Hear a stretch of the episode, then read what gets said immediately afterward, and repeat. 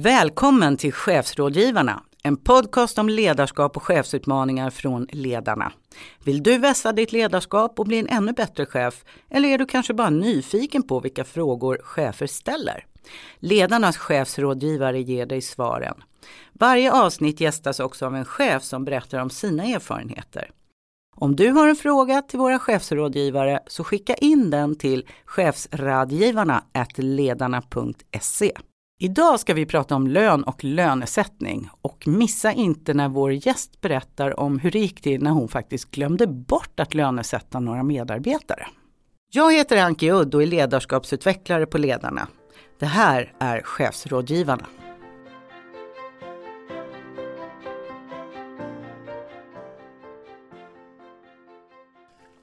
Idag ska vi prata om lön och lönesättning. Och lön är ju någonting som kan väcka ganska starka känslor och olika förväntningar. Och som chef behöver jag naturligtvis hantera det här och göra lönesättningen begriplig för mina medarbetare samtidigt som jag ska ta hänsyn till de resurser verksamheten faktiskt har. Individuell lönesättning är den absolut vanligaste formen av lönesättning i Sverige idag. Enligt medlings Enligt Medlingsinstitutet omfattas 90 procent av alla anställda av avtal med någon form av individuell lönesättning.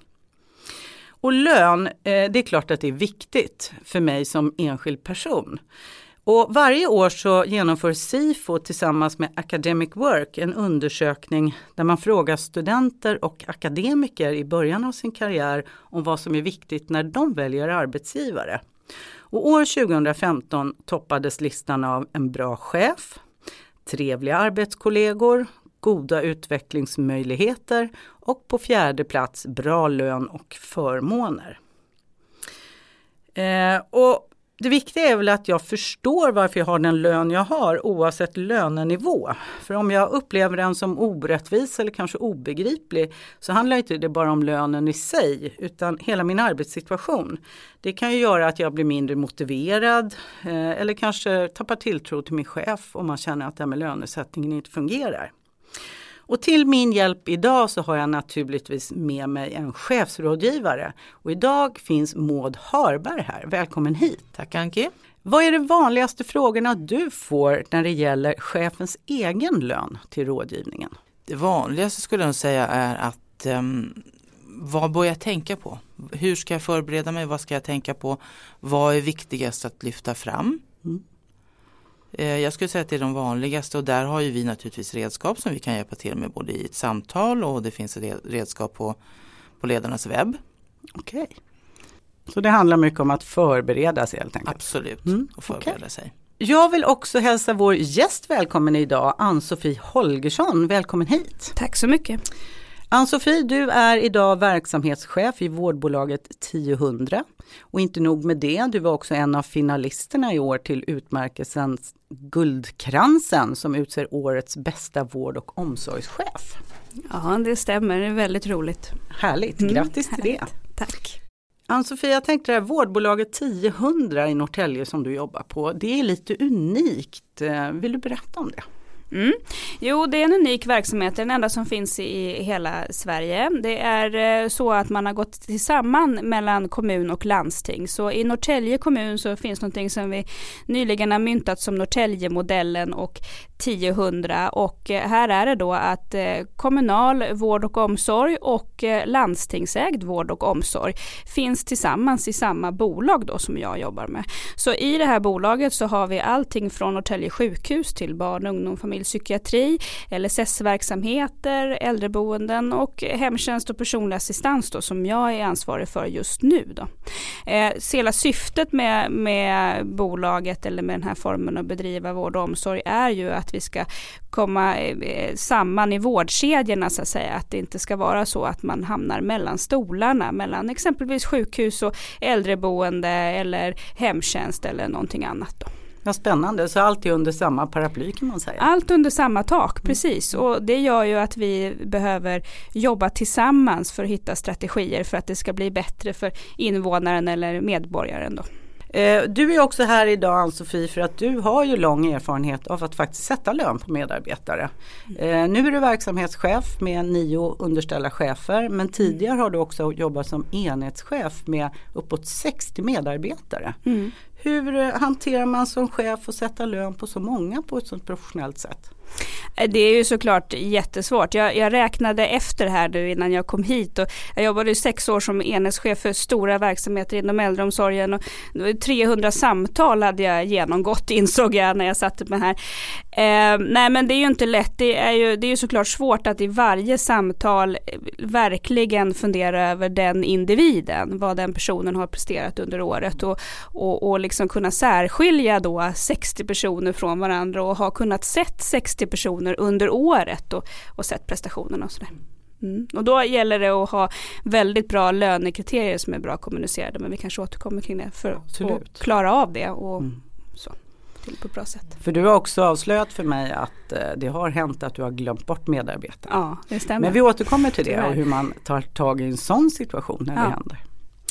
Men Maud, jag börjar med att vända mig till dig. Eh, vi har ju ett antal frågor som vi ofta får höra från chefer vi möter.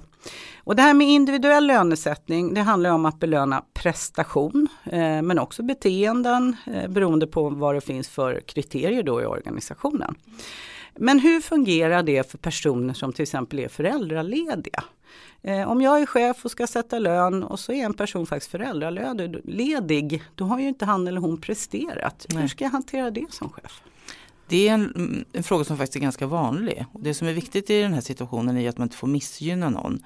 Det får man ju tänka på för att man får inte viss, missgynna någon varken vad det gäller vad ska man säga, situationen att vara föräldraledig och inte i lön eller någonting när man är borta. Så som chef då, det här är en av de vanligaste frågorna faktiskt hos oss på rådgivningen, så bör man ju tänka på då att man får behandla den här personen som om man vore på plats. Det här är ju vad jag förväntas utföra i mitt uppdrag när jag är på plats. Och eh, jag skulle ju ha gjort det även eh, jag skulle ju gjort det naturligtvis när jag var på plats. Och det är ju inte annorlunda för att jag varit borta kanske långtidssjukskriven eller kan vara en skillnad när man är långtidssjukskriven. Men vid föräldraledighet till exempel så är det ingen skillnad egentligen. Utan som om du skulle ha varit på plats.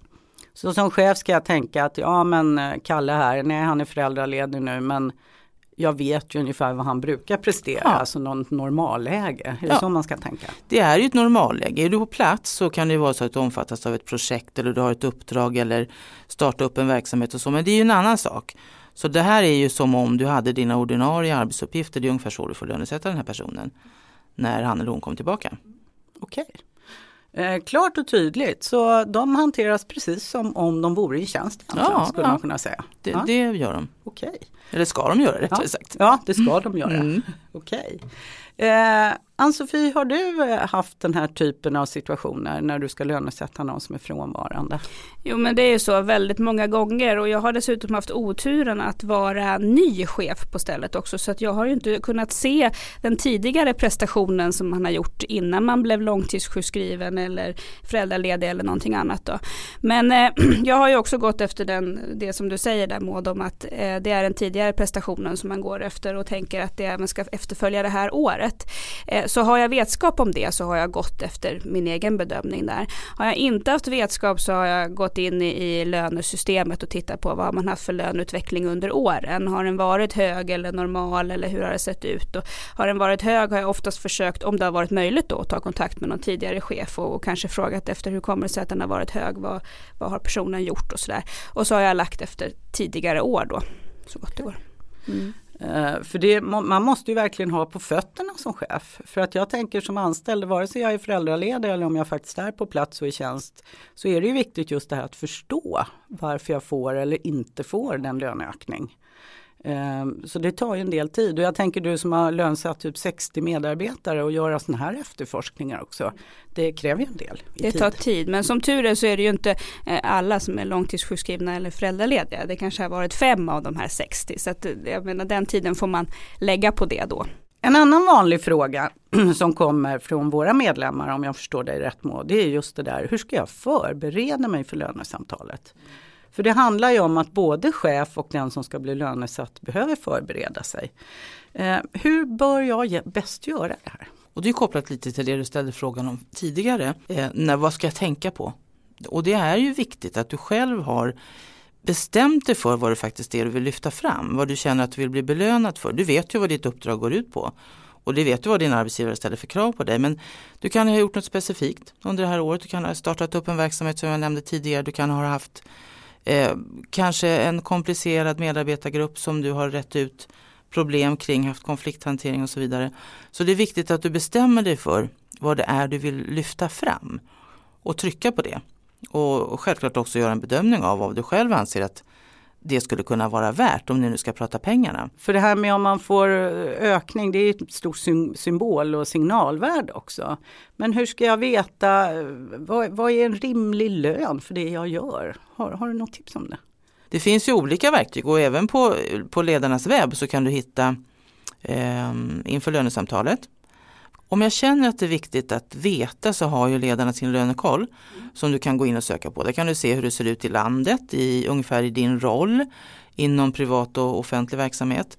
Så där är det ett verktyg du kan använda. Eh, men Maud, det kan ju vara så om jag ska lönesättas, eh, om jag är chef och så sitter jag i ett lönesamtal med min chef och så kan det ju vara så att vi har helt olika bild av vad jag faktiskt har uppnått eller inte. Jag tycker kanske själv att ja, men jag har ju gjort massa bra saker under året men min chef ser någonting helt annat. Hur ska jag tackla sånt?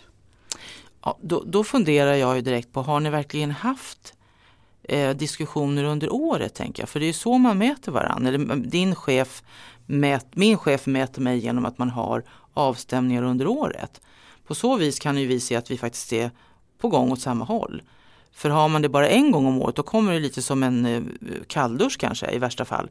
Att det här är ju vad jag vet att jag har lyckats med under året, det här är vad jag har i uppdrag, det här är mitt mål. Eh, men min chef har en helt annan bild av det här.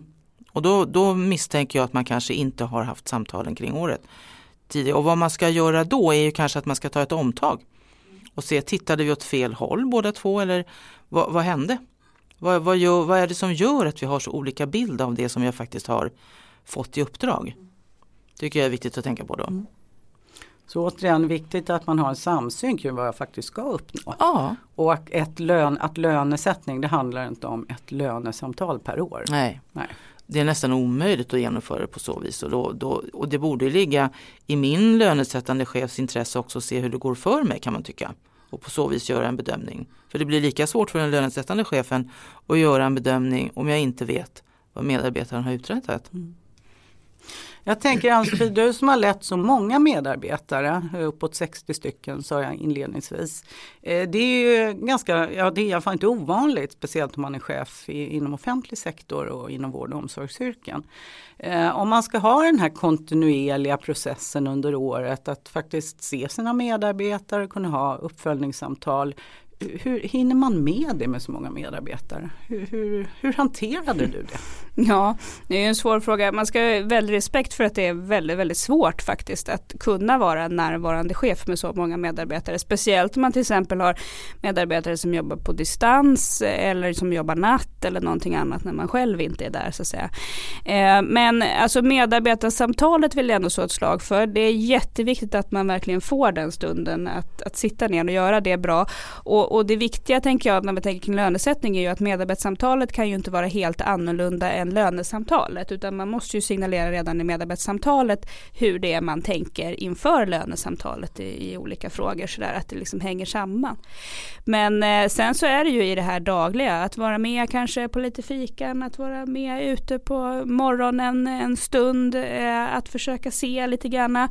Eh, har, vi har en verksamhet just nu till exempel inom personlig assistans där är det ju jätte jättesvårt därför där är man ju hemma hos kunden eller brukaren då hela tiden.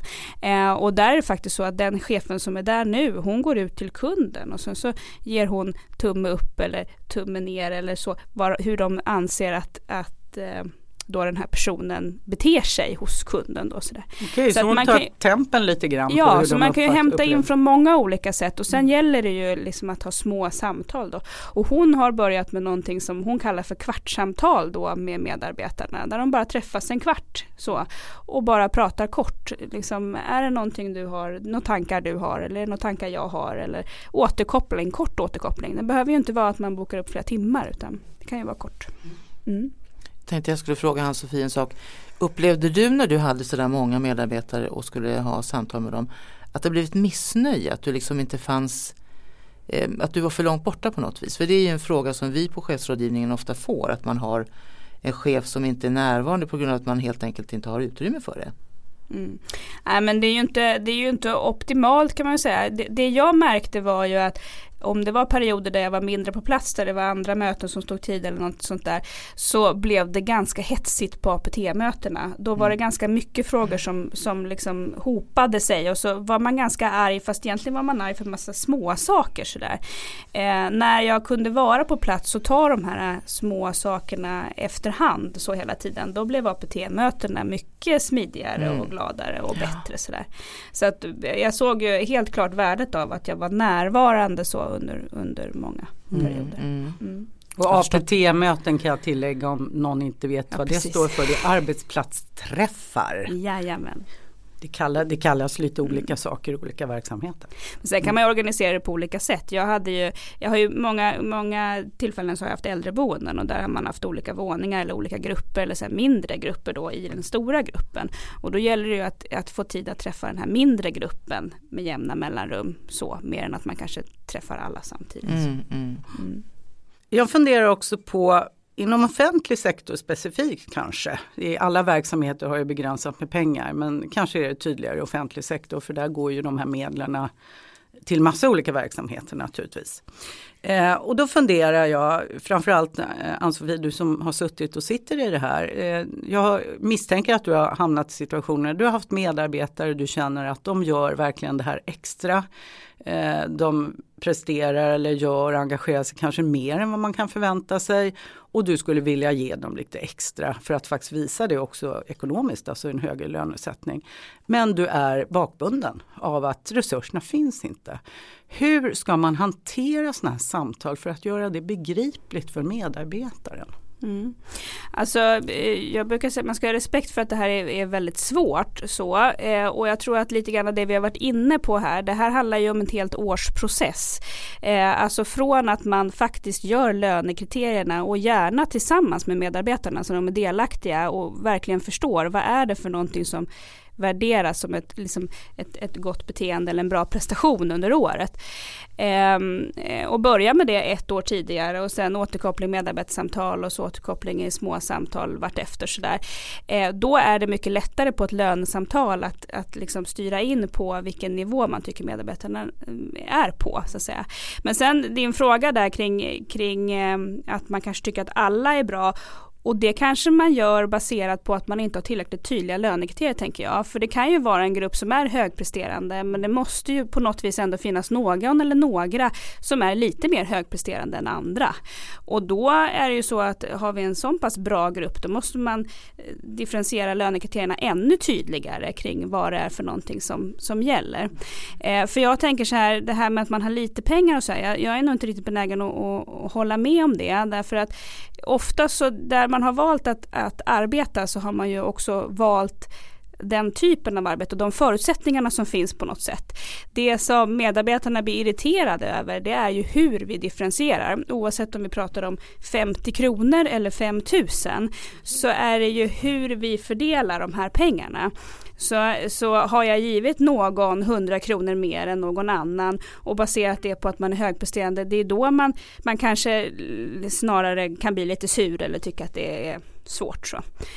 Så jag tänker så här, det viktiga är hur man differentierar, även om det är småpengar då som man differentierar, så är det viktiga hur man gör det och i samtalet att man verkligen är tydlig med att jag tänker att du är högpresterande, det ger i år den här nivån.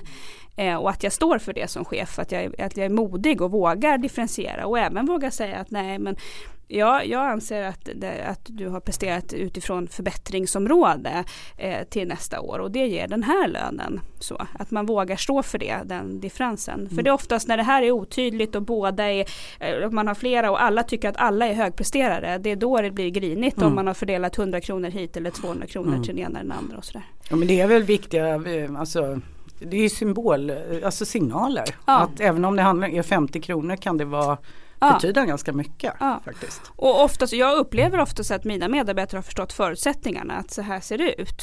Så, eh, men det är just fördelningen som någon, någon gång kan ha blivit grinig över. Liksom. Fast jag tycker också att jag är högpresterande. Eh, och jag tänker att om vi tänker på mål, jag kan tänka mig om det är så att jag producerar någonting, alltså eh, bilar eller däck eller då så här många. Det är ganska enkelt att sätta ett mål och det är väldigt lätt att mäta. Men jag tänker den verksamhet du är i Ann-Sofie, det, det är lite mer kvalitativa frågor vi, vi pratar om här. Mm. Uh, hur tänker du? Vad är ett, vad är ett liksom bra kriterie i den verksamheten? Det är ju, det är ju såklart jättesvårt därför att det handlar hela tiden om en bedömningsfråga och det finns ju liksom inget riktigt rätt eller fel. Det, så de lönekriterier som, som vi har haft eller jag har haft så är ju att vi har haft tre, tre områden så att säga antingen förbättringsområde, normalkrav eller mycket bra. Och jag har varit ganska tydlig med vad det är som krävs för ett normalkrav. Det krävs egentligen att du är på jobbet och är glad och det fungerar bra och allting liksom fungerar som det ska. Det är ett normalkrav. Mycket bra eller hög prestation. Det är verkligen över det. Eh, sen, men sen har vi ju delat upp det på olika delar som vi just det året har tyckt varit viktigt så som man fokuserar på. Bemötande har alltid funnits med. Och hur fördelar man då upp bemötande i tre olika nivåer? Ja, det går ju faktiskt att göra det om man tänker tillräckligt ordentligt. Eh, vi har kunnat haft eh, Dokumentation till exempel som vi håller ju på med väldigt mycket kring att dokumentera. Är man bra på att dokumentera? Gör man det? Gör man genomförandeplaner för sina kunder till exempel? Eh, eller inte? Och den är ju enkel därför att där kan man gå in i systemet och titta på. Har man gjort någon genomförandeplan under året eller inte? Sådär. Men, men eh, det handlar ju ofta om, om bemötande eller god omvårdnad. Personcentrerad omvårdnad har vi också fokuserat på. Och om man verkligen vill så går det att få till i olika kategorier hur bra man kan vara på bemötande faktiskt också. Och det är ganska intressant tycker jag därför att det är ju eh, en ganska svår bedömning och det krävs ju som du nämnde tidigare också ganska mycket mod ja. av dig som chef för att kunna lägga fram det här och vara tydlig också. Mm i det här utan att man på något vis riskerar att den du pratar med blir kränkt kanske. Mm. Eller det är jättetufft. Och på något vis så måste man alltid då försöka gå tillbaka till händelser. Eh, så, jag såg att det här hände eller jag har fått, fått från de här, eh, nu kallar jag för kunder, men de här äldre eller brukarna då, eh, har vi fått liksom att det här inte har fungerat bra, att du har bemött på det här viset och sådär. Sen så ska det ju vara så att de diskussionerna om, om, om bemötandet, om man har problem kring bemötandet så ska ju inte det komma upp som någon nyhet i lönesamtalet. Utan då ska man ju ha samtal om det innan. Ehm, så det här med lönekriterier, det är ni helt eniga om att det är viktigt, att det ska vara tydligt. Ehm, och det går att mäta både hårda och mjuka värden. Och det handlar inte bara om vad man ska göra också, utan också beteenden. Alltså hur, som du nämnde som exempel, eh, bemötande till exempel. Och det är mer ett beteende hos individen. Mm. Dagens sista fråga handlar om att man vill ge sina medarbetare lite extra. Eh, här skriver en chef att flera av hennes medarbetare är guld värda och har verkligen gjort allt de varit överens om under året och lite till. Och nu vill den här chefen också gärna visa det i lönekuvertet. Men hennes budgetutrymme tillåter inte det och det finns inte särskilt mycket att fördela.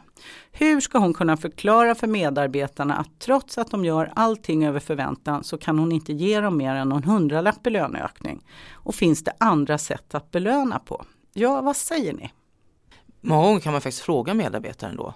Om det är, har du några önskemål, är det någon särskild utbildning eller någon kurs på privat, eh, inom privat sektor är det lättare därför att det finns andra förmåner än vad det gör i offentlig sektor. Oftast är det ju så att eh, man kanske är lite begränsad och det där känner säkert Ann-Sofie bättre till inom offentlig verksamhet och inom offentlig sektor. Men, men många gånger är det faktiskt så som jag upplever i alla fall bland våra medlemmar att man man har en möjlighet att kunna få en utbildning faktiskt. Det är ungefär där man ligger till. Så kompetensutveckling ja. är ett sätt. Mm. Mm. Ann-Sofie, vad säger du? Finns det andra sätt att belöna?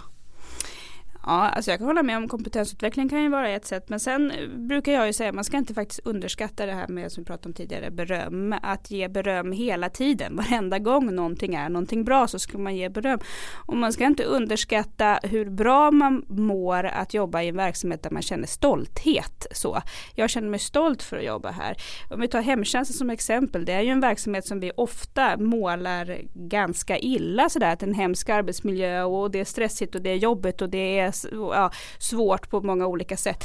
Och, och, det är det, men man ska också ha väldigt stolthet över det man jobbar med, det man utför och liksom lyfta fram det på ett bra sätt, vad nu det kan vara.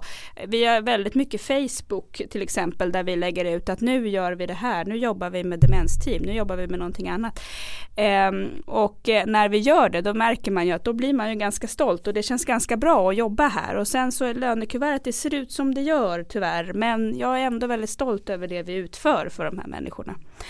Så att eh, mycket beröm tycker jag. Eh, tårta, tänkte jag säga. Så, ja. På möten, nej men har man gjort någonting bra, fira det. Liksom. Mm. Vi tar bort den här jantelagen och liksom säga ja, ja, jag är inte bättre än någon annan. Utan fira att, att vi gör någonting jäkligt bra. Ehm, så. Och att eh, också lyfta fram personer tänker jag också. När någon har gjort någonting bra, våga säga det inför andra personer att det här är väldigt bra gjort av dig, det här borde vi ta efter, goda exempel.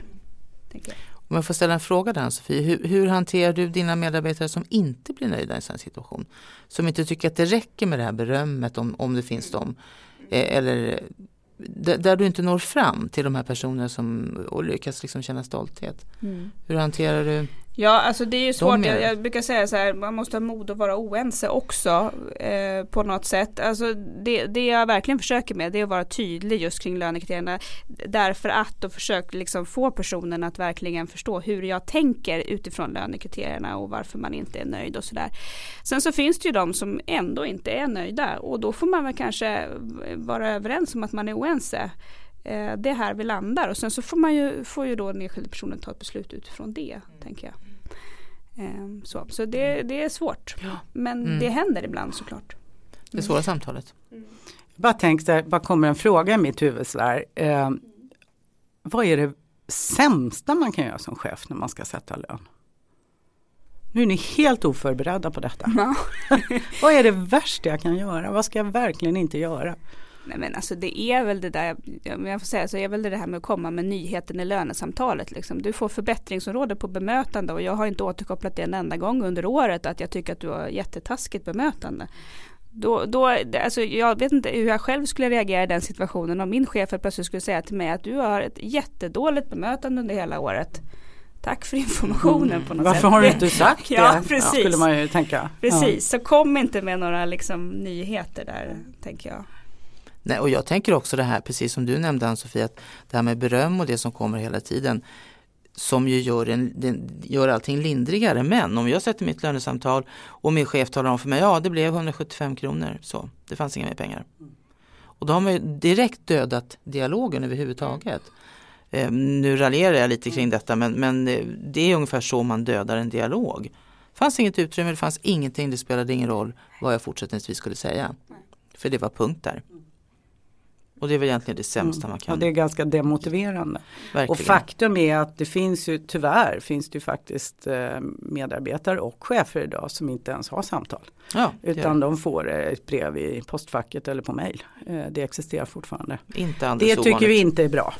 Nej och jag tänker så här lönesamtalet det är ju en av, av chefens viktigaste styrmedel tänker jag. Så här, här kan du ju motivera och även styra liksom, till vad som är bra beteende och bra prestation så där, på ett tydligt sätt. Så det ska man ju använda, mm. den möjligheten. Ja, visst, visst. Um, jag tänkte komma tillbaks till det här Sofie, när man glömmer medarbetare. hur känns det som chef? Nej det har inte jag glömt. Uh, hur, vad hände? Berätta. Nej, det har faktiskt tyvärr hänt mig eh, ett antal gånger. Eh, om det nu är något försvar så har jag haft väldigt stora medarbetargrupper och eh, även bytt chefsjobb ganska många gånger och fått nya grupper som jag har jobbat med. Och då kan det ju både ha varit personer som kanske har varit föräldralediga eller lediga som vi sagt tidigare som, som jag faktiskt har glömt bort som liksom inte har funnits med i listorna bara sådär som jag inte har tänkt på. Som jag snabbt liksom har räddat på slutet och gjort gjort om och gjort rätt sådär. Men sen har det faktiskt någon gång varit någon medarbetare som har dykt upp eh, som jag helt och hållet glömt bort och lönerevisionen är över och allting är klart och sådär. Och då får man ju backa och göra om och göra rätt och be om ursäkt och så. Så att eh, ja, det har faktiskt Hur, hur liksom lappar man ihop det? För jag, jag kan ju bara tänka mig in i situationen att jaha, min chef vet inte ens att jag finns. Nej i värsta fall? Alltså hur, hur kan man överbrygga och bygga upp det förtroendet igen? Ja, nej, det är ju inte lätt. Alltså, man får ju be hemskt mycket om ursäkt, eh, eh kanske försöka förklara varför eh, det har hänt och sådär och, och liksom börja bygga på det igen då. Ofta så har det väl gått ganska så bra ändå kan jag tycka. Men, mm, det, det är inget jag rekommenderar att man ska göra. Så råd ett som till lönesättande chefer, glöm inte bort någon medarbetare. Nej. Det kan vi vara överens om. Ja. Ha tydliga lönekriterier, prata uppföljning, lön under hela året. Lönesamtalet ska inte komma som en överraskning eller innehållet i det. Tack så hemskt mycket för att ni medverkade här idag och pratade om det här ibland svåra ämnet eh, men också roliga ämnet som handlar om lön och lönesättning. Om du som lyssnar har en fråga till oss på chefsrådgivarna så skicka jättegärna in den till oss på chefsrådgivarna ledarna.se. Tack för att du lyssnade.